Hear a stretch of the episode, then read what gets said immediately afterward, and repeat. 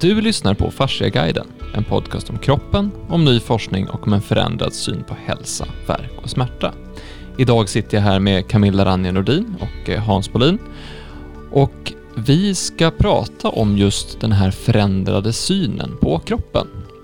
Eh, vi håller ju workshops eh, ganska ofta och det var den 22 workshopen som vi höll nu i veckan som var. Vi brukar spela in på fredagar så att ni som lyssnar vet. Ehm, och då stannade vi upp extra länge vid det avsnittet som handlar om hur en levande kropp faktiskt ser ut på insidan. För vi pratar mycket om i den här podden att, att en levande och en död kropp är inte samma sak. Men bilden av kroppen som folk har, eller som de flesta människor har rent intuitivt, är bilden av en död kropp. Man tittar på kroppen som olika lager, man tittar på kroppen som olika delar som, som sitter bredvid varandra och så vidare. Men när en kropp är död så finns ju inget liv och där flödet var, i det utrymmet där flödet var, det blir ju platt där flödet fanns sedan innan. Här pratar vi mer om i framförallt avsnitt 17 och kanske avsnitt 28 också för den delen. Och även i ett avsnitt om flöde som jag pratat om. En pionjär inom det här Eh, ämnet, den levande kroppen, det är kirurgen Jean-Claude Gimbertot. Och vi har pratat tidigare om filmen Strolling Under the Skin som finns uppe på Farsaguiden och finns på Youtube och så vidare också. Eh, och vi kan rekommendera alla som lyssnar att titta på den. Jag såg själv den i morse innan inspelningen igen för att eh, få eh, för att få fräscha upp minnet lite grann. Och det som, är, det som är häftigt med det där är att Oftast börjar det med en, att man gör en upptäckt. De börjar ju inte titta under huden för att de skulle se hur, hur strukturen såg ut, utan de, de letar efter något annat. De ville förstå blodkärl och de höll på med, med hudvård och, och så vidare, eh, som jag har förstått det, och liksom bara gjorde den upptäckten.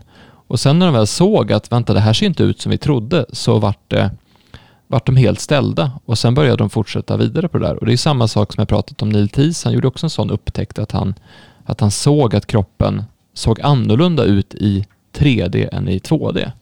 Så oftast börjar den här resan med en, med en personlig upptäckt, att man ser att vänta ett tag nu, det ser inte ut som jag trodde. Hur ser det ut egentligen? Men du Camilla har ju, har ju också tittat väldigt mycket på Jean-Claude Gimbertot och vad är det som slår dig med, med just den här, de här bilderna som man ser under huden? Eh, Vad som slår mig? Ja, alltså det, det är ju så levande och allting är så blött. Och allting, att det rör sig hela tiden. De här fibrerna. Alltså han pratar ju om, han har gjort över 1200 eh, undersökningar på patienter som han då, han är ju kirurg så han ska ju då egentligen då, är det i samband med, med kirurgiska ingrepp som han har gjort det här. Så det är han har under 15 års tid använt sina kirurgpatienter till att samtidigt då gå ner med ett endoskop och mm. undersöka hur det verkligen ser ut under huden. Så då, kommer han till dem och så sen så, uh, by the way, before I cut you open, could I uh, enter a camera and uh, see how you look under the skin? Ja, ungefär så. För att det var en som, på ett föredrag med honom här så var det en som frågade efteråt om, om han har gjort någon undersökning hur det ser ut före en eh, manuell behandling och sen om man ser skillnaden efter den manuella behandlingen. Nej, mm. men det, det, har han ju inte gjort då, för han kan ju liksom inte kalla in sina patienter igen för ytterligare ett ingrepp så att säga. Så att, eh, utan det, det är vid ett tillfälle då i samband med.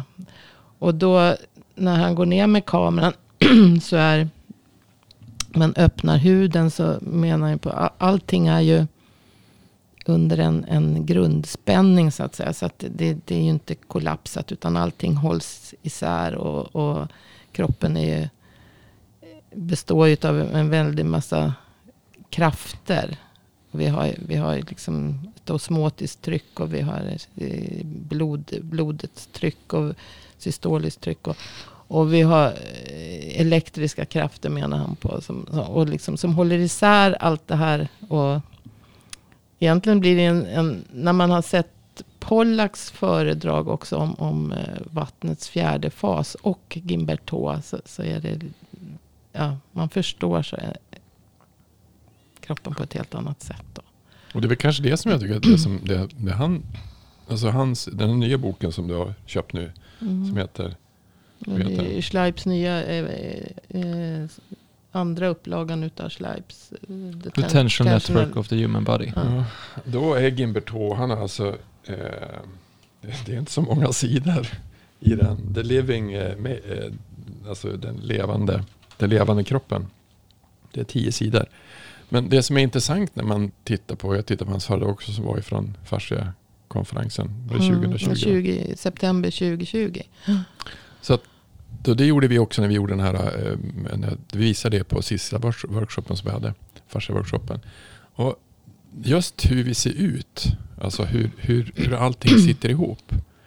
Det är många som blir ganska fascinerade av det. Så Mm. de, är det så där det ser ut? Jag kan Det ju så- säga det till, om du som lyssnar på det här inte har sett Strolling Under the Skin, eller se hur det ser ut, så kan du pausa, eh, in, alltså pausa nu, Mm. gå in på YouTube, söka på Strolling Under the Skin och så tittar du bara 22 minuter och eh, 32 sekunder och sånt där in i det klippet. Bara för att se hur den här strukturen i kroppen faktiskt ser ut. Då kommer du se att det ser ut som ett spindelnät huller om buller fast i flera dimensioner. Det är saker som rör sig. Det är kollagentrådar som delar sig, flyttar på sig, skapar sig på nytt. Allting blänker och är otroligt vackert Mm. och det är i flera olika nivåer och det är, det är en otroligt... Och så sen kan du stanna upp och tänka att det här är faktiskt du, inuti dig just nu så ser det ut så här. Det är en fascinerande bild av hur rörlig, levande eh, och Alltså hur kroppen faktiskt inte ser ut som vi tror att den ser ut. Mm. Så att har du inte sett det så pausa och titta 22.30 in i Strolling Under the Skin och sen så kommer du tillbaka. Välkommen tillbaka. Då ska vi fortsätta prata. För, för det, det är bra att ha fått en bild av det här så, att, så att man förstår vad vi pratar om. För att det här är verkligen en... Och jag tror att det som är Neil Tees sa, eller när han, när han berättade om sitt flöde, när när jag pratade om flödet och Neil var det, vilket avsnitt var det? Eh, Tror jag 43 kanske. Då, då så sa ju Gimbertå välkommen.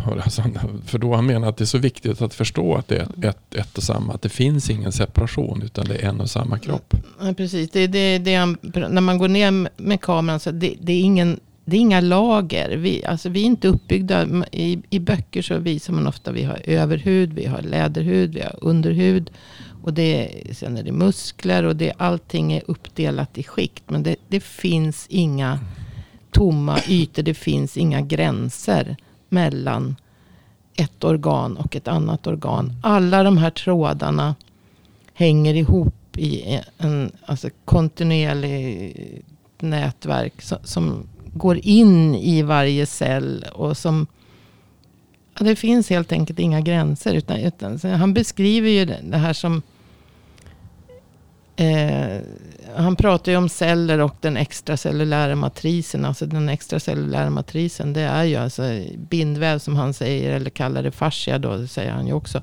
Men, men det, det och, och vissa ytor är alldeles tomma utan celler. Det finns inte en cell eller bara några få celler. Medan andra ytor är, det fullt med kluster, Kluster av, av celler. Av, celler. Så att säga. Och, och de kanske bildar ett organ. Men mellan alla de här cellerna så är det ju fortfarande det här fibernätverket. Alltså fibrer som rör sig och som sträcker ut sig över precis hela kroppen. Så att det är ju det han, han visar med det här och har sett när han går ner med sitt endoskop. Det finns liksom inga gränser, inga, det är inga avgränsningar mellan de olika hudlagren eller så. Det är bara olika densitet och olika koncentration utav olika eh, mycket celler eller olika eh, täta fiberstrukturer. Eh, strukturer eller, ja. Och då frågar ju han också i här för, alltså på slutet i föreställningen, frågar, så han visar ju egentligen att när han drar i alltså när han drar i fascian så ändrar han ju struktur på cellerna. Precis. Och det, att allting- alltså det, det, det, Allting sitter ihop. Och så sen frågade någon så här, det var någon som frågade, eh, påver- alltså, har du ti- tittat på om manuell behandling påverkar eller inte? Nej, det har jag inte gjort. Men det är ungefär som att det är klart det gör. Ja, eftersom jo. man visar att allting förändras. Så att Mm. egentligen så, mycket av behandlingar som vi gör, vi håller på med manuella behandlingar och maskinella behandlingar, det påverkar ju förmodligen mycket, mycket mer än vad vi tror att det gör. För vi påverkar ju ända in till cellerna. Alltså hur cellerna egentligen ser ut och vad som händer med dem. Men Jo, det, det, här du, du, du ändrar ju hela formen på cellen. Du, men du ändrar ju inte bara den yttre formen. Så att säga. Det är ju fibernätverket som, så att säga, Så- så- ansvarar för hur cellen ser ut. Mm. Både ut, utanpå den yttre formen och den inre formen. Så cytoplasman och, och sitt, eh, skelettet, alltså cellskelettet eh, påverkas ju hela tiden också utav hur det här fibernätverket rör sig. Och det påverkas av hur, hur du rör dig eller hur jag rör mig.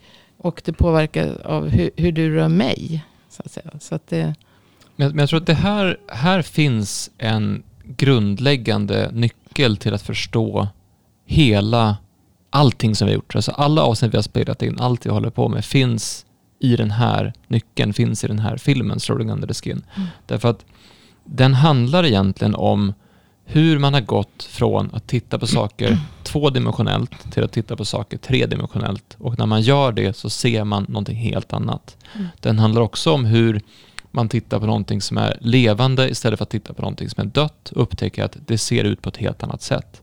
Och Det handlar också om att man använder den här nya tekniken som finns, för de pratade om att då ser de allt det här och så hur förstår vi det här? Men då använder de sig av dataanimationer som inte fanns förut för att kunna rita in det här i ett program och sen se, jaha, det är så det är. För att när du väl ser det så blir det som att, oj, vilket kaos det här är. Men när du sen försöker förstå principerna bakom den, de läser på om fysik och då pratar de om en, om en amerikansk forskare som redan på tidigt 1900-tal gärna ville ha in fysiken i biologin eftersom att det finns vissa former för fördelning av rörelse, fördelning av tryck. Eh, naturen har vissa former för att effektivt fylla upp en yta med struktur. Och där är någonstans själva kärnan i vad det här handlar om. Och därför kan jag rekommendera att se Strolling Under the Skin igen. Men det som är grejen är att det är otroligt vackra bilder varvat med väldigt svåra ord. Så att har man inte en jättebra koll på anatomi så kan man lätt fastna i orden. Men försök att inte fastna i de orden utan det är väldigt svåra ord som plötsligt förklarar väldigt enkla, fantastiska saker.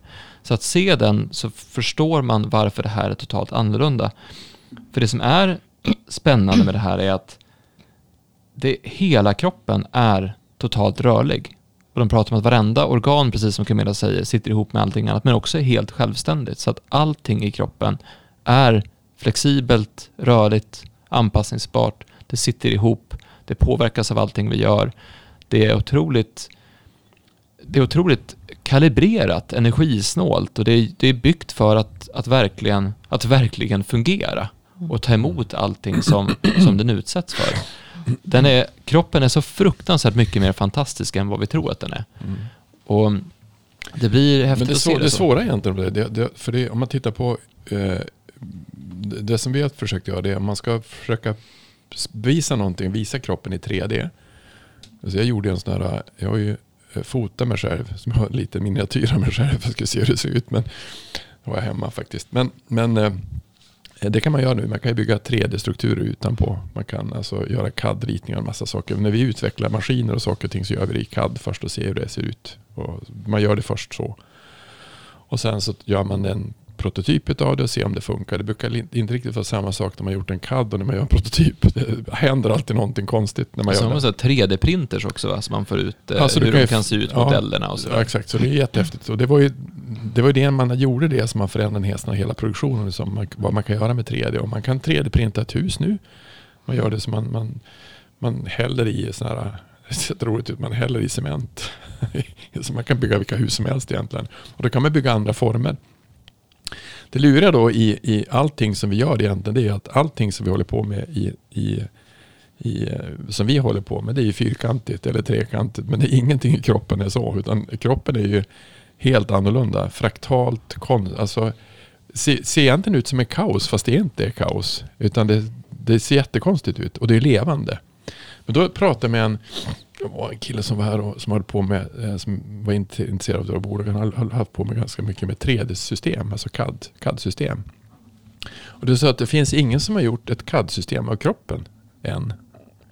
Därför att kroppen är utsatt för, alltså du ska, ska göra en ritning på kroppen, det skulle bli ganska svårt för det är ganska mycket saker som ändras hela tiden. Mm. Först så har du alla organ som hänger fast i den här fascia strukturen som finns. Så tar du en anatomilexikon som finns och du gör den i, så kommer du fortfarande gå igenom skikt. Mm. Men du ser inte hur skikten sitter ihop. Nej. Så bilden av kroppen är tvådimensionell i bästa fall och den är separerad. Men egentligen ser den inte ut så.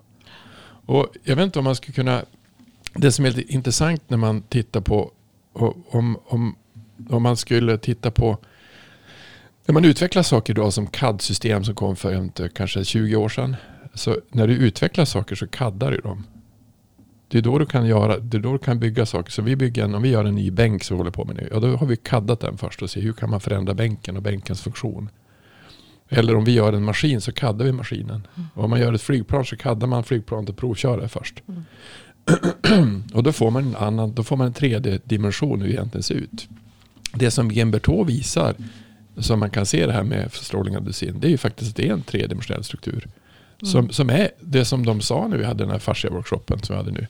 Det var att, är det så där vi ser ut? Alltså det, blir, det blir en happening för alla. Och han har ju haft igång det här i 20 år. Mm. Är det 20 år sedan? Ja, 15 år sa han ju på då 20 att han hade hållit på med.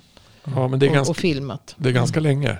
Jag vet inte, ja, ja, ja, ja, ja finns, han sa 15 år. Att han har att, eh, samlat material under 15 år. Och därför blir det 100 timmar film sa han. och därför blir det, när man ser det här, så när vi skulle försöka göra en, en, en animering av vad fascia var för någonting. Så eh, gick vi till en sån här byrå som håller på med att rita film och göra animering och så. Och de hade ju svårt att förstå vad det var. Mm. Till vi visade filmen. Mm om Strolling under skin. Så att om man söker man på, vi gör ju maskiner, söker man på den hur den funkar och visar så har vi en, en animation hur egentligen hur fascia, vad fascia egentligen är för någonting och hur egentligen kroppen ser ut. Så det blir ett helt annat perspektiv att se på kroppen. Och därför blir det, därför han säger det att, ja men, vad sa han? Han sa att, ja men, ont i ryggen kan sitta i foten. Alltså, mm. alltså det, mm. det, det, han har ju, genom det perspektivet så blir det annorlunda. Precis som Vet hon den här eh, Susan Lenguin som jag har svårt att uttala? Langevan. Langevan. Helen Langevan. Helen, Helen Langevan. Hon, hon är ju eh, hon är inne på akupunktur och vill då visa västerländsk vad akupunktur fungerar. Och hon menar att när man stoppar in en nål så snurrar man i nålen. Mm. Och då kommer nålen, att då kommer fascian att kliva ihop sig runt nålen och då sträcker du. Så när du snurrar drar, nålen, du, du, då drar du ju fascian alltså fram och tillbaka. Och då visar man egentligen hur akupunktur, varför det påverkar kroppen så mycket som det gör. Och det är egentligen en, en det påverkar hela, hela strukturen. Mm. mm. Då drar det i celler och så får cellernas metabolism ändrar, ändrar, ändrar du när du så att säga påverkar fibrerna. Så. Ja. Och det, Gimberto eh, han fokuserar ju väldigt mycket på fibernätverket. Så att säga. Han mm. pratar ju inte så mycket om flödet. Men, han säger ju att det också att det, att det är vätska med, med eh, glukosaminoglikaner så att säga, mm. i det här. Men han pratar inte, han fokuserar mer på, på fibernätverket. Så om man slår ihop det med Pollaks eh, teorier då inte bara teorier. Men ska du berätta om Pollack igen då, då? Så att vi har den i samma, samma avsnitt, samma sammanhang. Utifall det här nu skulle vara någons första avsnitt. Ja, för, eller för om man han, har glömt bort det här. Gerald Pollack, är, det är inte han egentligen, utan han pratar ju om andra japaner och kineser. Var han ryss också? Som han, eller var inte, nej.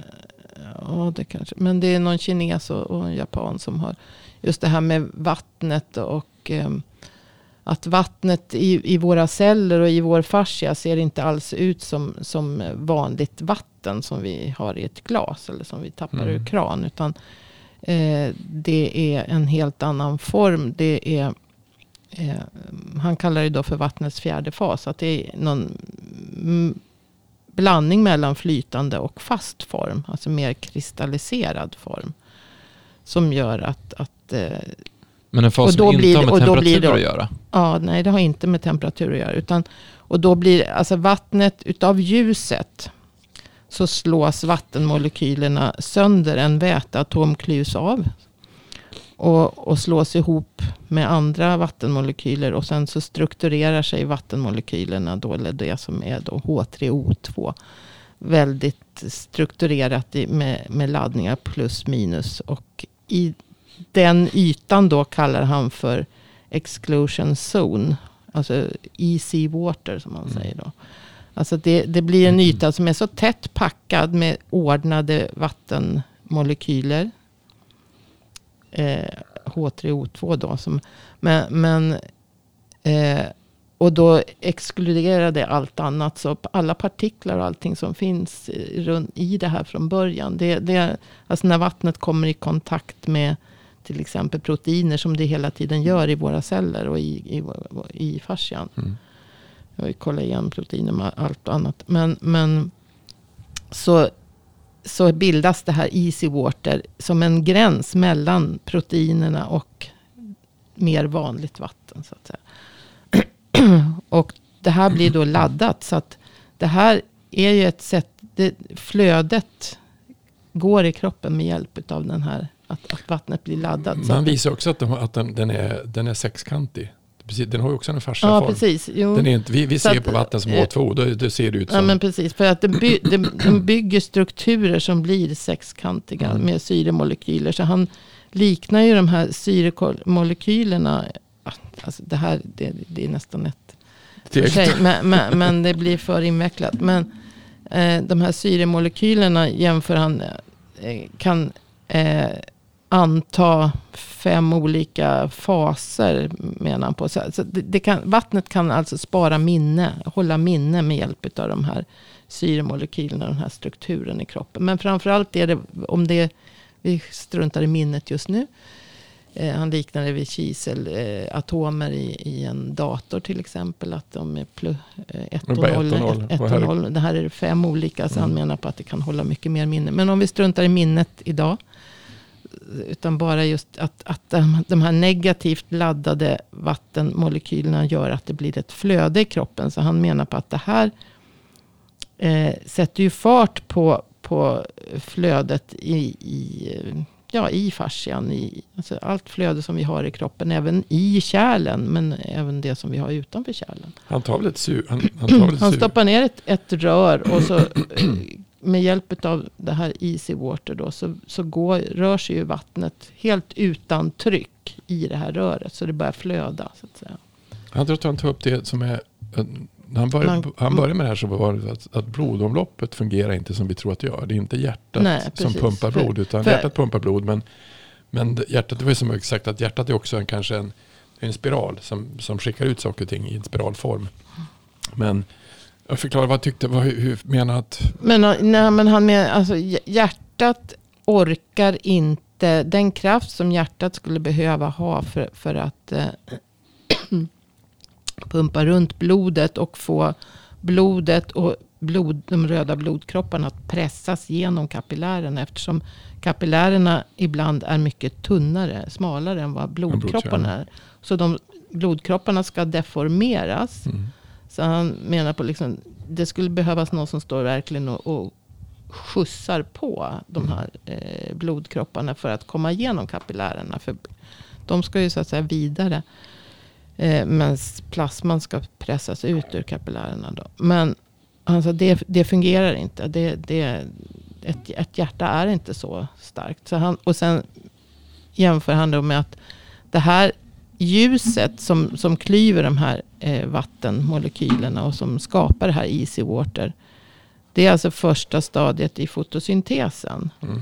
Och, ha, och har man nu, om man nu, eh, säg d- den som har uppfunnit liv så att säga, har, har skapat det här, den här funktionen för växter och bakterier.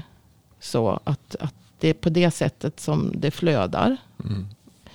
Eh, och att, att ljuset, så att säga, det infraröda ljuset från solen slår sönder vattenmolekyler och så. Och sen så fortsätter man att utveckla ett högre liv. Och Och så skulle man skrota det systemet som verkligen fungerar. Mm. Det, det, det är så ologiskt sen. Det, det är liksom, varför inte bara förbättra, använda samma System. system som, har, som fungerar och sen bara bygga på det och förbättra det Mm. genom då hjärta, ett hjärta som pumpar också och hjälper till så att säga. Mm. Så, ehm, ja, men det, han är väldigt, väldigt intressant. Och han, han menar ju på att, att vi har haft förklaringar på hur cellen fungerar och hur flödet går in och ut från eh, interstitium in, in och ut i cellerna. Att det, det har varit med, med pumpar och, och eh, kanaler så att säga. Men, men det här, han menar på att det sker helt med det här laddningarna och easy water. Då. Han finns ju, de har väl en vat- vattenkonferens varje år. Varje år ja. Som heter Mm. waterconf.org eller något sånt där tror jag. Ja. Vi kan väl lägga upp det på oss. För Det, det finns ju alltid det. Waterconf. eh, Waterconf. Någonting och sen .com. Mm, Eller dot .org. Mm. .org. Mm. Och där finns det ju ganska många forskare som, som pratar om, det vi, det I ett något avsnitt pratar om, om vattnet, att som vattnet, hur många avvikelser vattnet har mot andra saker som finns. Ja, en som, har- vad heter han, Nobelpristagaren Mont... Mont- ja, han är med där också. Ja, precis. Eh, Ja, och han, Montaigne. heter Mon- ja, precis. Han, har gjort om, han gjorde ju om, eh, eh, vad heter han då? Eh, Jack Benveniste. Eh, Jack Benveniste tog ju fram, visade att vatten hade minne. Mm. Eh, det gjorde ju Benveniste, nej, Montaigne om. Det går också att söka på nätet. Eh, de har visat att vattnet kan lagra minne. Men vi har pratat om det här tidigare, just hur vatten, vatten är ett av de mest centrala elementen för allt liv på den här planeten. Mm. Det är de mest unika saker vi har.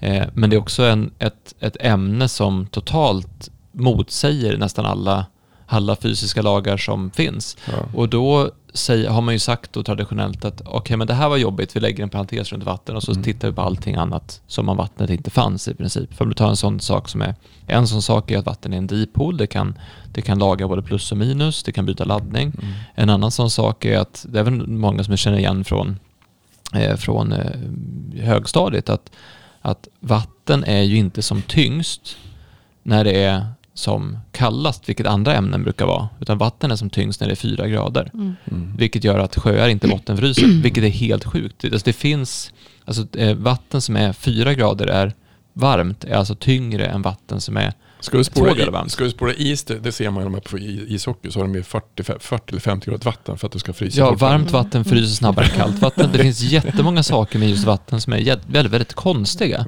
Mm. Och det här är ju, eftersom att det här är det mest centrala elementet i liv så kanske man ska titta på Men- vatten på ett annat sätt. Men Polar kan göra en annan grej också. Han laddar väl två kärl? Alltså, Ja, alltså han tar ja, två precis. stycken vatten. Ja, han har två bägare med vatten som han eh, ställer bredvid varandra. Och så stoppar han i en elektrod i vardera. Ja. Så att det blir elektriskt laddat. Och då börjar vattnet att flöda. Flöda. Från den, det bildar en brygga mellan Men för, bägarna. först far det bara upp och så far Ja, det så det ja, blir precis. ett Ja, flöde. Så det ja. går men egentligen mot gravitation. Så, så, och sen drar han isär de här bägarna. Och han säger att man kan dra isär bägarna upp till fyra centimeter. Och den här bryggan finns kvar. Så vattnet flödar här emellan så att säga. Till, När vi håller fascia workshop, då, då inleder vi alltid med att prata om perspektiv och paradigm. Och då visar vi först en film som finns på, båda de här filmerna finns på en, en sida på Fasciaguiden som heter Hur lär vi oss förstå fascia? Så att ni som vill Mm. se dem igen kan titta där. Men vi visar alltid eh, tre filmer. Först visar jag en film som handlar om hur en idé leder till en annan idé som leder till en annan idé som leder till en annan idé. Så att en idé man hade på 1600-talet visar sig idag i ett tankesätt.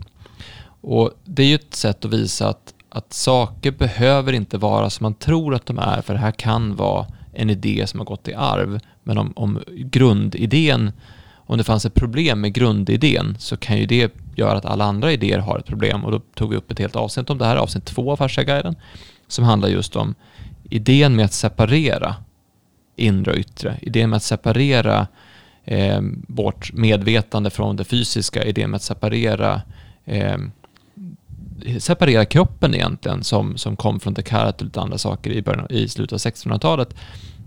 den har lett till att vi tittar på världen som att den är antingen materiell eller icke-materiell. Att det finns fysiskt och inte fysiskt. Att, att tankar inte är fysiska eller minnen inte är fysiska eller så. Eller att idéer bara är idéer. Mm. Och då pratar vi just om att idéer är inte idéer för att idéer får en materiell konsekvens. Vi sitter just nu vid ett bord. Bordet är här för att någon hade en idé om ett bord. Så att, och det bordet påverkar oss tankemässigt. Det är första filmen visar, att, Mm. att det finns ett samband här emellan. Den andra filmen vi visar, det är Vibeke Elbruns citat från 2018 om att för att förstå fascia så måste man börja om från scratch. Man måste börja om helt från början. Det betyder inte att man måste kasta bort det man tidigare visste, men man måste börja om Mm. precis från början. Och den tredje filmen visar vi om Fascia Research Congress som Steckos upptäckte nya celler och att det här börjar hända och saker så här. Men om vi tittar på, på de här första två så har vi en idé som har fött en idé som har fött en idé, vilket gör att vi ser på världen på ett sätt som vi ser på den. Mm. Men om man nu tar det som Gimberto var med om, det som FIS var med om, det som vi har varit med om, är att man, man har sett saker i, i 2D, sen ser man det i 3D. Man har sett saker som dött och sen ser man det som levande.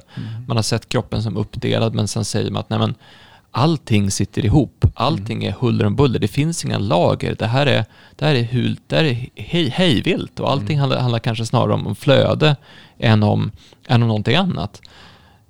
Då blir ju det här ett helt annat sätt att ta sig an i princip allting. Mm. Och vad får det för konsekvenser för, för hur vi lever och hur vi gör saker?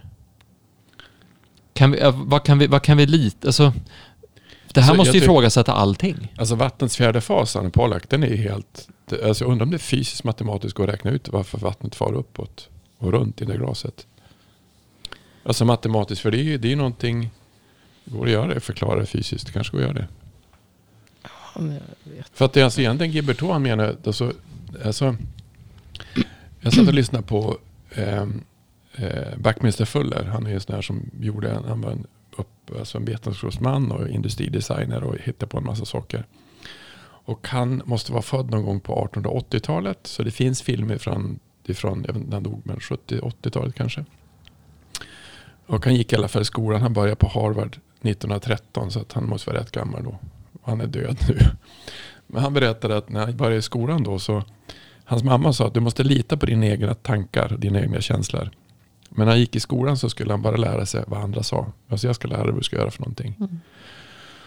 Och då, men han, när han gick på Harvard, tror jag han gick på, eller jag tror det var det, han, någon sån här Ivy League School, så lärde han känna en massa rika människor.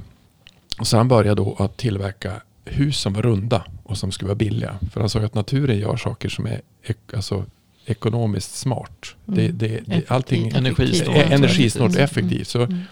men han fick de här fördärvade husen, gick inte så bra, som gick i konkurs och han förlorade en massa pengar. Så han, 1938 var han helt pack, han var black.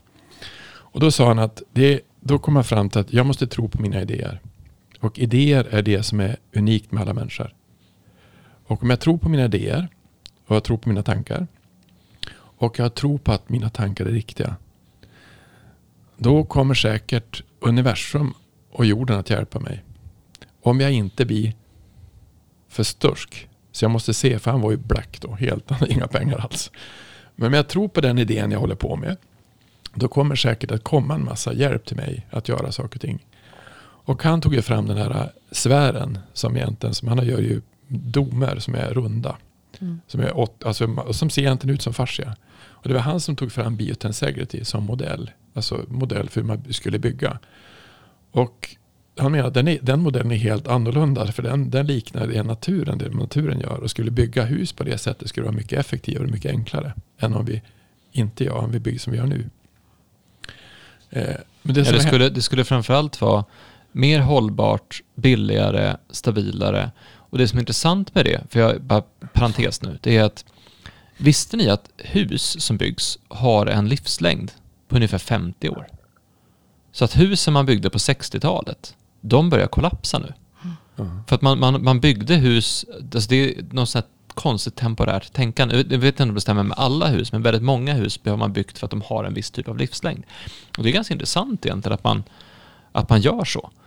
Men när man Alltså- hade kunnat förändra allting. Men, men han växte upp, alltså när han, han, han såg att allting, alltså han menar vi tar upp det på den här fascia workshop också, att att när han, för det första kom ju massa nya teorier om kvantfysik, om, om Einstein och relativitetsteorin, en massa olika teorier som kom. Och sen kom ju flygmaskiner.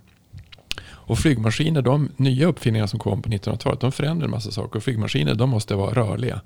Alltså vingarna rör sig. De, de måste vara elastiska. Så tror jag att vissa segelbåtar också, de måste kunna röra sig. För att de är så mycket tryck på dem. Och de måste vara lätta och elastiska. Därför gjorde man olika typer av former som var på ett annat sätt på flygmaskiner. Och eh, det var det han ville införa på byggandet. Att det skulle vara lättare, alltså inte så stora tunga saker utan det skulle vara mer flexibelt.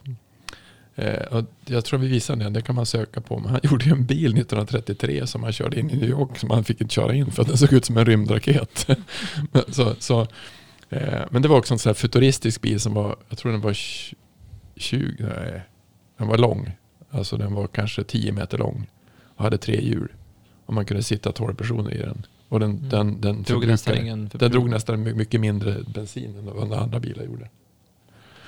Så, men, men det som är intressant, han menar att, att du måste titta på naturen, naturen är gjord och hur naturen bygger saker och ting. Och därför blir perspektivet som Gimbertov försöker visa, perspektivet som, som eh, det blir ett annat perspektiv. Och det finns inte i några läroböcker. Och det var egentligen det som TIS råkade ut för också, för det fanns han, han hade ju svårt att få igenom sin upptäckt för att det fanns, ingen, fanns inte någon akademisk litteratur. Mm. Men så det är ju anatomi.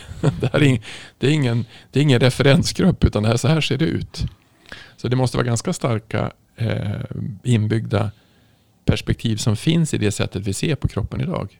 Men det är där vi har varit inne på flera om, områden, bland annat avsnitt 6 och i avsnitt 28 och i massa olika fundament med just, med just Per, eftersom att Per, per Johansson är ju så duktig på just idéhistoria mm. och se hur, hur saker har hänt, hur saker har formats och så vidare. Och det finns ju ett stort problem med hur vi har byggt upp och strukturerat världen, framförallt i väst, eh, att vi har den här extrema tilltron på att bara vi bygger upp tillräckligt mycket förståelse om delarna så kommer det här att, att bli bra till slut i alla fall. Mm.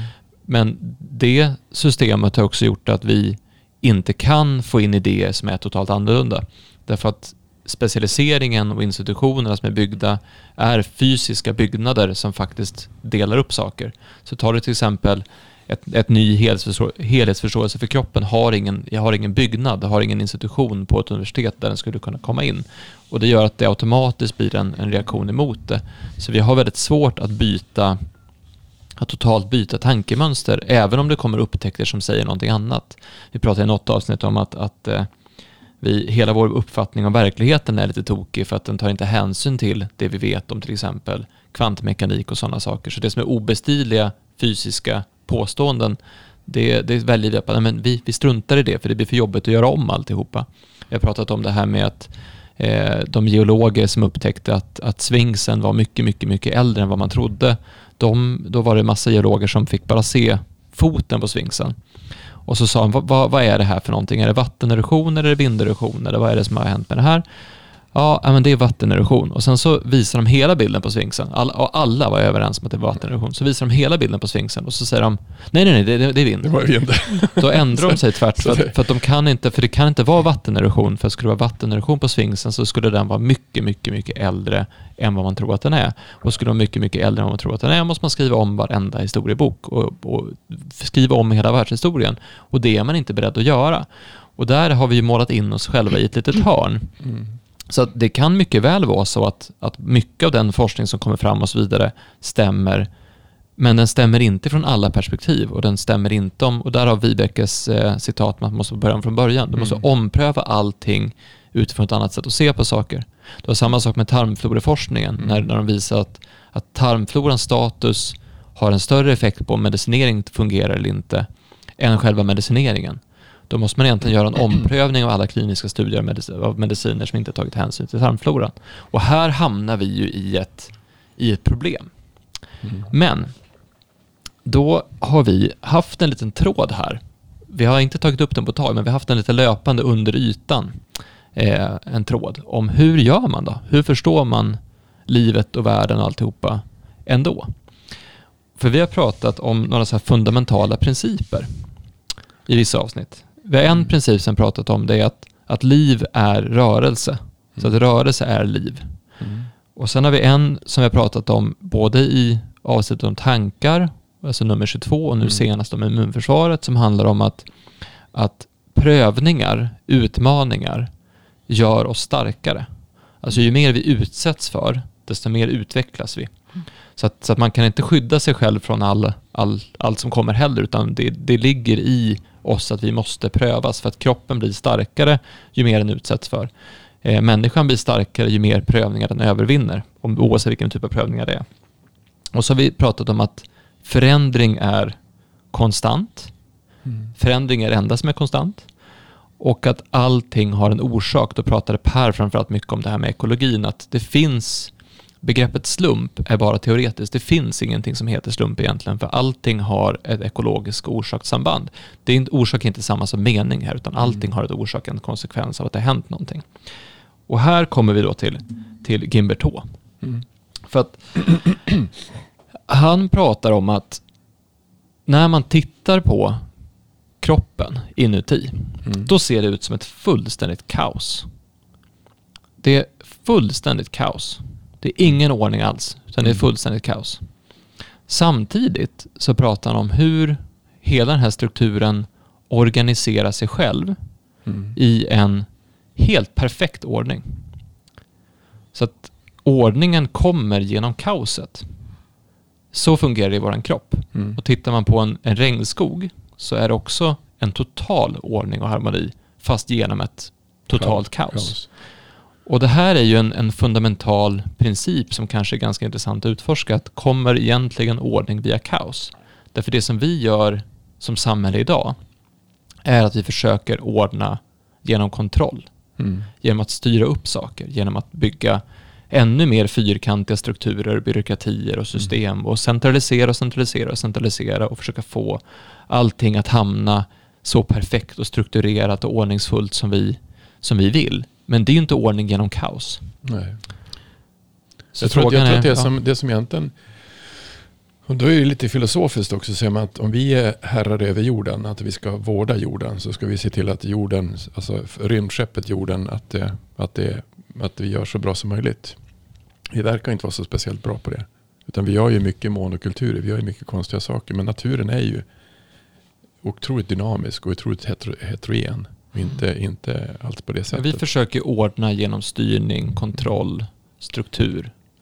När i själva verket, för det, för det, det är ju en annan sak som man tittar på, om man tittar på vissa typer av samhällen där man inte har någon tydlig ordning utan där, där allting får ordna sig själv. Mm. Alltså där du får göra det du är bra på, jag får göra det jag är bra på och så sen så hjälps vi åt och så vidare och sådär. Och i den typen av samhällen så har man ju lyckats få en, en jättefin eh, ordning av alltihopa. Mm. Att det löser sig, är, all, är allting bara fritt och kaosartat så löser det sig i alla fall. Mm. Med rätt typ av, av inställning och så vidare. Men vad sa Pol- Pollack menar ju, alltså det som är intressant med hans perspektiv, det var att han, visst tog han upp också på att vi tror att när vi dör så dör vi. Det finns inget flöde när vi dör. Men Ja, visst, han, han har men- vi- visat att flödet håller på minst en, En timme, timme. i en, um, I en han kropp. har undersökt på, på råttor. Då. Det är ju lite eh, intressant, alltså det fortsätter att Så flöda efter, efter döden så fortsätter flödet i... i en timme. Ja. Det, det är ju Och rätt det är flödet i fascian, flödet i... blodet. Alltså det, det rör sig fortfarande i en, en timme. Minst en timme. Så han, det kan, Och han den här, alltså han, han Buckminster Full, han, han, kan ni söka på han så hittar ni, det finns ett företag som är på sju timmar, det har inte jag hört. de, de, de, de pratar sju timmar. Och sen finns det, de flesta, de flesta föredragen har, de är typ en och en halv timme långa. För att han bara sätter, och ni måste ha engelsk text för man hör inte vad han säger. Ja, det är, han, pratar, han, är, han är rörigare än vad jag är alltså. Han, han pratar om allting samtidigt. Men det han sa, som, när han var som mest, eh, när han var totalt luspank. Och då sa han så här, hur ska, man få, hur ska vi få mat? Vad ska vi göra för någonting? Och då tittade han på, undrar om naturen har inte de problemen. Alltså fåglarna, de, är, de, de gör inte så. De flesta levande djur, de, de bryr sig inte om så. Det fixas i alla fall. Oftast. Så- ja, så ja, på något sätt. Så att han, han tog det att om jag bara följer mina tankar och det jag ska göra så kommer säkert det ordna sig. Det är ett helt annat sätt att se på, på livet. Eh, så att det är mycket, många, många konstiga saker som, många perspektiv som, ja men hur ska vi få mat Och för dagen? framförallt ger inte det någon oro. Nej, du blir helt trygg. För vi har pratat om det här hur, hur oro är en av de värsta formerna av stress och hur det har en väldigt negativ effekt på kroppen. Ehm, för det, det här är ju, vi har ju försökt applicera det här tänkandet lite grann, dels i våra liv men också i eh, hur vi driver verksamhet. Att vi gör ju fruktansvärt mycket saker på en gång. Mm. Eh, så vi, vi, har varit tre personer ganska länge, nu är, vi, nu är vi fem personer och driver tre olika verksamheter. Ett tag var det fem verksamheter. Så hur, hur får man det här att funka? Alltså hur, det var som någon som kom hit igår och pratade med hur, hur klarar ni av det här egentligen? Hur, hur blir ni liksom inte, hur hinner ni med allting? Och visst, det finns ett svar i att man, man automatiserar mycket, bygger processer för mycket och så vidare. Men, men det det framförallt handlar om är att när jag känner ångest på kvällen över att jag ska hinna med något med jobbet, då då släpper jag den ångesten. Mm. Då försöker jag tänka att det där kommer lösa sig. Mm. Är det meningen att det ska hända så kommer det, då kommer det dyka upp en lösning. Och den tilliten till att det faktiskt kommer gå, att bara vi gör rätt sak och så bara vi liksom gör det här med rätt inställning och med rätt eh, ambition och vi följer våra hjärtan och vi försöker göra så, då kommer det säkert att lösa sig. Och att faktiskt tro på det, det gör ju att oron släpper. Och när oron släpper, då sover man bättre. Mm. Och när oron släpper, då är man mer öppen för att saker ska komma. Sen så kan det vara vissa perioder när det är väldigt svårt att inte bli orolig. Mm. Eh, när det blir ännu mer stress eller när det är extra mycket och sådär. Men, men egentligen så, och det här har vi gjort nu i sex år. Mm. Har haft det här ganska så starka, och det funkar skitbra. Det är samma, stress och oro är ju också en naturlig fas. Alltså, alltså det, det, måste ju också finnas. Problemet är ju när det blir för, för konstant, mm. alltså för långvarigt. Mm. Eh, kroppen måste ju, alltså om vi inte var stressade och oroliga eller hade tråkiga stunder så skulle vi inte kunna uppleva de glada stunderna om man säger så. Jag vet inte. Jag tror, att, jag tror att det handlar om, om dels en erfarenhet av att man har sett hur saker har löst sig förut. Och därför kan man lita på att om det nu har löst sig förut så kommer det säkert lösa sig igen. Och sen en tillit till att, att kroppen är så fantastisk som den är. Att, mm. Att jag egentligen faktiskt är ganska fantastisk och att det finns en, en det finns en, ett flöde som man faktiskt kan haka på. Mm. Där saker sker. För det är svårt att säga till någon bara så här, sluta, sluta vara orolig. Ja men det är ju så mycket, men sluta, det blir som svårt att... Fast jag hade nog en sån som, alltså, jag tror att om man, man, om man tror på tankar, alltså egentligen så, man kan ju skriva upp de tankar som man inte tycker är trevliga. Och se om de är sanna. Oftast är de inte sanna. Så det är ett annat sätt att, alltså vissa mönster som man har, det är jag inget bra på det och det och det. Det blir ganska jobbigt till slut. Att, att ha sådana typer av tankar i sin kropp. För de är ju i sin kropp.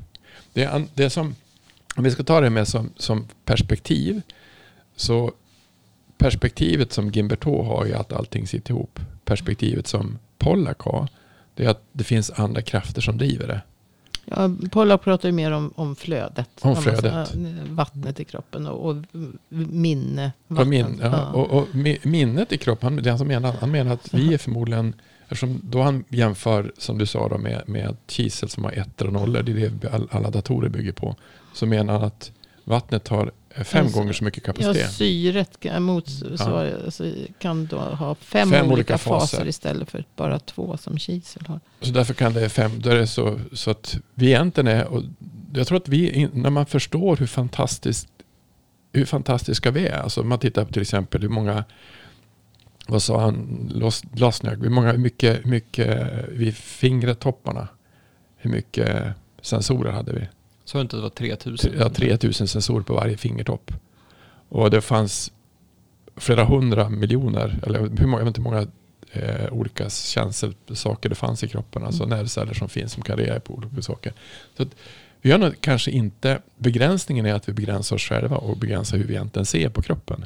Och då har vi inte ens pratat om att, var det du som sa det Camilla eller var det någon annan som jag läste det, att, att eh, majoriteten av det som finns i vår kropp är inte ens vi. Utan det är andra externa organismer i form av bakterier. Ja, det är 90 procent andra celler. Så ja, och det är ju, bara det är helt fascinerande. Virus, hur mycket av min egen kropp som faktiskt inte ens är jag. Det, är en, det, är en annan, det är ett annat medvetande som är där i form av andra bakterier. Ja, andra och, mikroorganismer på något sätt. Ja. Och det är ju väldigt eh, svindlande. Eh, som kan både jobba för och emot den. Så att man kan, ens kropp och ens, det som finns i ens kropp kan alltså jobba för dig och emot dig beroende på hur du tar hand om den och hur du ser på dig. Så det är nog, vi är nog mycket mer intressant komplexa än vad vi faktiskt har förstått tidigare, men på ett helt annat sätt än komplexiteten i hur en, en, eh, någonting påverkar någonting annat. Alltså jag har byggt upp mm. en komplexitet i att förstå hur, hur A påverkar B, alltså hur, hur det här ämnet påverkar den här delen av kroppen, hur den här kemiska saken påverkar cellen där och hur, hur den saken påverkar det. Det är det som vi har fastnat in på, men om vi tittar på hur allting hänger ihop, hur allting sitter ihop, vilka saker som finns i oss, vilka saker som finns utanför oss, hur vi påverkas av allting som äger rum, hur vi påverkas av varandra, hur vi påverkas av naturen, hur vi påverkas av miljön runt omkring oss, vilka idéer vi, som väcks i oss när vi går in i ett, i ett, rum eller när vi ser vissa saker, när vi ser vissa filmer, när vi ser på, på tv, när vi hör saker, när vi möter andra människor, hur mycket vi påverkas av allting. Då blir det ju komplext och svindlande på ett helt annat sätt mm. än det komplexa, det påverkar det-tänket. När jag skulle börja med det här, när jag skulle börja osteopatutbildningen, vilket inte gick så länge, ehm, då läste vi allt möjligt. Vi läste ju kroppen som helhet och så, och så läste vi eh, sjukdomslära, alltså, bas, alltså basmedicin. Det är två helt olika perspektiv. Mm. Alltså kroppen som helhet och kroppen som separerad. Och då blir man ju rätt, det är rätt rörigt då. Plus att du ska lära dig alla delar i kroppen. Alltså alla, du ska egentligen lära dig först latin. För kan du latin kan du nästan allting i kroppen är på latin och var det är någonstans, var det sitter. Då är det enklare att lära sig alla, alla, alla muskler och alla eh, skelett och allting sånt. Men innan då så fanns det ett, för jag var ju jätterädd för det, jag hade jättemycket respekt för hur man skulle kunna ta sig an det där som var, om jag var tillräckligt begåvad för att förstå det där. Så då satt jag och kollade på sådana här program som handlade om savanter, som var på tv. Det finns ju, man har börjat studera savanter för att det finns folk som kan så helt makalöst tokiga saker. Och det var tre, fem program om savanter. Det första var Temple Garden hette hon. Hon, hon, hon kunde känna vad, vad, eh, hon kunde kommunicera med kossor. Så att hon byggde upp alla, alla, nästan alla sådana här jordbruk, i, alltså gårdar i, i USA var, upp, var uppbyggda efter hennes sätt att, att hur de skulle föra in dem. Att de var tvungna att få de skulle få... Det låter ju sjukt, men i de här programmen så visade de också hur det de då kom fram till stämde. faktiskt stämde. Så vilket kunde, är helt... Jo, det är helt, och det var bara, man kan kommunicera med kossor, det, det, är klart, men det är klart man kan. Men sen var det en som kunde, en, en, i samma program, eller om det var ett annat program, för du skickade det till mig också, då var det en person som kunde göra huvudräkning och han kunde göra huvudräkning på allt. Alltså de skickade honom bara så här, ta typ 56 gånger 3 562, då kunde han säga exakt vad det var.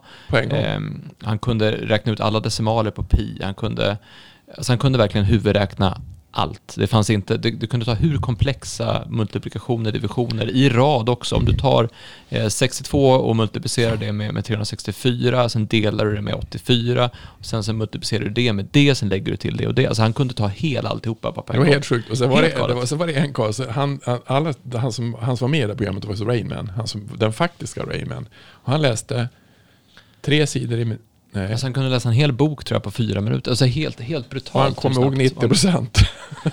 Men han kunde, inte gå på, han kunde inte gå på konserter för att det var alltid någon som spelade fel. Ja, och han behövde ju assistans hela tiden för det var andra saker som, som då föll undan för att han kunde det här. Så det, det, men då ser man också vad man är kapabel till. Ja. Um, men och en del har ju, men, och därför, därför menar jag att vi kan nog mycket mer saker än vad vi tror om vi skulle öva på det. Eller om vi kanske skulle vara mera intuitiva och följa, precis som han sa, eh, eh Fuller. Jag, jag följer min egen röst. Jag litar på mina egna tankar. Jag litar på att jag är kunnig, att jag kan saker och ting. Och det är det som, det är, det som är lite, lite, eh, lite fantastiskt med oss. Och det är därför vi, kroppen ifrån Gimbertås perspektiv blir helt makalös. Och även ifrån Pollacks perspektiv. Och då ser man shit, vad är det för någonting? Det som han sa, Backminster Fuller, sa att jag är helt bombis på att jag kommer att uh, vara någon annanstans när jag dör. Inte i den här kroppen. För att man kan, ju, man kan ju faktiskt väga en kropp som är död och en som är levande och de väger lika mycket. Så var for jag någonstans? Jag måste ju vara någon annanstans. Så att, det var hans förklaring på att det, att det finns liv efter detta. Eh, så att, vad är livet för någonting? Det är något annat. Men oavsett vad, för det, det, som, det, det som också i samma veva, man pratar mycket om att man nu ska Eh, alltså inom transhumanismen så pratar man om att man ska koppla ihop människan med maskinen och så vidare. Att man ska installera ett chip för att få vissa saker eller koppla ihop sig mot en dator och så vidare för att nå vissa typer av förmågor och så vidare.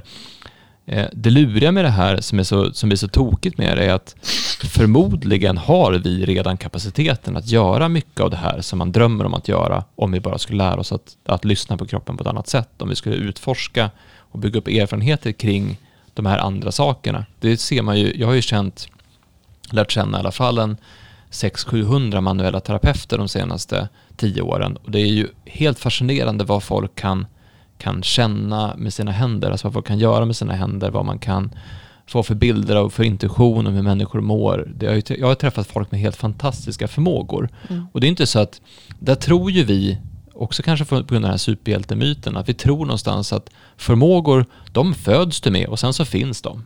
Och han är sådär för att han föddes så, eller han var så, eller han är speciell eller utvald och så vidare. Men egentligen så, så är det ju saker man kan träna upp. Det är som... Fast jag ja. vet inte om jag tror att alla kan träna upp alla kan vilken, inte träna upp allt. Nej, vilken förmåga som helst, utan du har nog vissa. Du har nog anlag, men, men samma, du, kan inte, du måste ju också träna upp det. Det ja, ser man ju på fotbollsspelare till exempel som har talang för mm, fotboll. Mm, Det är de som tränar upp det som blir bra. Är de då talang för musik så är det de som tränar upp det som blir bra. Mm. Och det är, ju det är som, de också som tycker att det är roligt. För att om man bara misslyckas hela tiden så kommer man ju inte fortsätta träna. Utan då, det, om man lyssnar på och tränar på det som man tycker går bra så, och tycker är roligt så men, men, men, jag vill bara säga att för det som är, din, potentialen är mycket, mycket starkare än vad vi tror om vi jobbar med det. För jag, jag har fått en, det var min, min fru som sa det till mig att, att alltså det, är, det är kul att du är så positiv jämt. Att du, att du oftast liksom vänder det till någonting bra och så vidare. Att ja, jag önskar att jag var så positiv ibland. Men det är ju det är något jag har tränat upp. Jag har ju försökt jobba i tio år för att försöka se det positiva i saker. Det är inte så att jag, jag vaknade upp en morgon och bara, nu är allting positivt, utan det är ju någonting du, du successivt hela tiden blir bättre och bättre på. Att inte bli arg eller inte bli upprörd eller att försöka förstå andra människor. Det är ju mm. det är inte någonting du föds med. Det kanske visst, okej, okay, du, ta tillbaka det. Det kanske är någonting du föds med men som du sen glömmer bort. Men men det är någonting som man måste jobba på och utveckla hela tiden. Alltså jag, min och Hans relation har ju utvecklats för att vi hela tiden utveckla vår relation tillsammans. Mm. Vi var ju inte alls så här lugna och fina med varandra för, för tio år sedan. Och framförallt inte för 15 år sedan. Inte för tre år sedan heller. men, men det, det, så vi kan förmodligen bli mycket, mycket mer än vad vi tror. Men vi måste förstå att det är, det, är inte, det sker inte över en dag, utan det är någonting man får träna upp. Mm. Och det här stärks ju av Pollack och Gimbertos syn på kroppen. För den, Därför den, vi är ett mirakel. Alltså vi är alltså inuti är ett mirakel. Mm. Alla är ett mirakel. Men när man, när man inte förstår det. Men man kan ju se, man kan ju se bara inuti men se vad vi kan göra för någonting. Jag tycker, när, jag så, när du spelar trummor tycker jag är helt fascinerande. Att man kan bara träna sig och göra sådana saker. Om man tittar på de som är jätteduktiga på att rida. Alltså, det, Rolf Jan Bengtsson, det ser helt konstigt ut. För att all, han, alla hästar ser likadana ut efter ett tag när han rider på dem. De, alltså, han kan få dem ganska... Och det där är ju och så sätter man sig på en häst själv och tänker så här, shit, jag, det här är svårt. Jag skulle inte ha stor, jag har gjort det en gång, det är skithögt, hur högt som helst, men det är livsfarligt. Eller man, alltså, och det, det, som är fascinerande med människor är att jag hade en kvinna som jag behandlade, hon hade, det häftigaste hon, ögonblick hon hade med om, det var att åka road, alltså, eh, roadracing. Och det går ju hur fort som helst, men hon, hela, hennes kropp var bara, alltså som, alltså stilla. Mm. Och det går 200 km i timmen, och hon är bara stilla. Och då, då, undrar man, hur går det till? Eller någon som klättrar i berg? Att de är harmoniska när de är på jädrar vad då. Alltså det, det är ju helt fascinerande vad vi kan göra. Vad, vad, hur, vad, vad, vad, livet kan göra med oss. Vad vi tycker är häftigt. Vad vi kan göra. Och det, alla har ju den begåvningen. Alla är begåvade. Alla är fantastiska. Och precis som Camilla säger, alltså vissa, har ju, vissa kanske inte har talang för allting. Eh, man har ju sina speciella talanger eller gåvor som man kan utveckla och det gäller att hitta sin gåva och utveckla den. Och det här, det här har jag fått höra från andra håll, alltså entreprenörshåll. Jag jobbar mycket med, med småföretagare, mycket entreprenörer i USA som jag har haft kontakt med och så vidare. Där pratar man om att ja, men du ska hitta din talang och så ska du jobba med det. Det du mm. tycker är kul och brinner för, det ska du göra. Mm. Och gör du det tillräckligt mycket så att du är tillräckligt bra på det, då kommer du aldrig ha något problem. Då kommer du alltid att hitta en lösning på det. Mm. Men, men vissa saker som, som det här med att, att hitta en vana att andas, Eh, som vi har pratat så mycket om. Att hitta en vana att gå, att hitta en vana att, att eh, faktiskt äta mat som är eh, ren, alltså utan att den är för processad, utan att det finns mycket tillsatser. Det är ju vanor som, som man kan använda för att få bättre kontakt med sin kropp. Och jag har ju sen vi började med de här poddarna faktiskt, och det tog jag upp någon gång också, utvecklat en, en förmåga att kunna ligga ner på rygg, slappna av totalt och faktiskt känna hur kroppen börjar läka på ett annat sätt. Mm. Så att jag behöver mindre behandling nu än jag behövde för tre år sedan. Och det är ju inte någonting som, oj vad bra att du har gjort det, utan det är någonting som jag har upptäckt att det här kan jag göra för att må bättre. Och det är det är, det är någonting du kan träna upp. Du kan ju träna upp att ligga, andas, stilla, läka. Mm. Det är inte som att de som kan det har fått det från, som en sån här, "Oj, nu plötsligt fick de den här kraften att kunna göra det, utan det är någonting man har tränat upp. Mm. Så jag tror att potentialen är mycket större i människor än vad vi tror. Ja.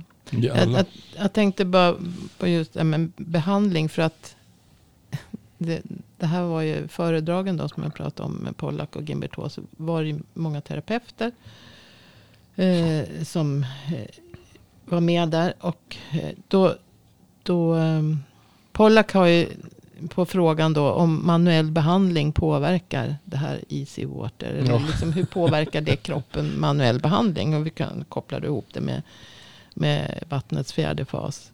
Och han ser ju, han ser ju liksom det ur sitt perspektiv. Ja, behandling påverkar och eh, förstorar den här mängden easy water. Så du får ett bättre flöde på grund av det. För du får Mm. fler laddningar, så att säga. Mer negativt laddade eh, vattenmolekyler då. Men, och eh, både utav att, att du så att säga rör på kroppen med den manuella behandlingen ökar den här easy water utrymmet. Och, och även då infraröda ljuset som du strålar ut från eh, terapeutens händer och, och, och Mm. så. så. Så han menar på att det, det är absolut att, att manuell behandling påverkar eh, easy water, alltså vattnets fjärde fas och ökar på flödet. Men Gimberto svarar samma sak, att det, det är klart att, att manuell behandling eh, hjälper, hjälper kroppen och att, att du, förbätt, du kan förbättra allting som han säger. Du kan förbättra allting Mm. med manuell behandling. Du ändrar eh, strukturen på fibernätverket menar han. Då, då du drar i cellerna, du ändrar cellernas metabolism och, och, och allting kan förbättras. Även om det, kanske inte alltid blir konstant. Att du gör det under en, en kort tid och sen en, vissa saker kan hålla längre tid. Men han menar att allting går att förbättra. Och, Så han, han menar ju att, att alltså, till och med alltså, skar, alltså sårvävnad ja, är också god. Alltså sårvävnad, inflammation, allting är i fascian. Ja. Och även alltså, att- att det klart går att påverka sårvävnad, Ja. men kanske inte, men, men det går att förändra det. Så, så beroende på vilken forskare, så att säga, men alla har ju den, som du Stecco om, om manuell behandling kan eh, fungera. Ja, då, då pratar han om hur du löser upp förtätningen med Ja. hyaluronsyran. liksom, och, och de här, eh, Mm. ja. Men det, det som, det, så, så att det blir, De säger det i Story Under the Skin också, att eh, eh, touch is the most essential sense. Alltså känsel, beröring är det, ett av de viktigaste sinnena vi har. Därför att du kan leva utan hörsel, du kan leva utan lukt, du kan leva utan, utan eh, eh, syn. Men du kan inte leva utan känsel. Utan, alltså känseln är så pass viktig för, för livet, för att du ska kunna röra på dig, för att du ska Mm. kunna veta vart du är, för att du ska kunna känna av värme och däremot, alltså när vi känner av förä- temperaturförändringar med känseln så förändrar vi ju struktur i kroppen för att kunna hantera det. mm, Därför är känslan stor och viktig. Och det som är intressant med det är att därför blir fysisk beröring, att ta i saker, att ta i andra, att vara nära andra blir otroligt viktigt för oss som människor. Mm. Och det här är någonting som man verkligen kan fundera på när vi blir mer och mer digitala. När vi börjar leva mer och mer i de digitala världarna som finns. Vad händer med beröringen?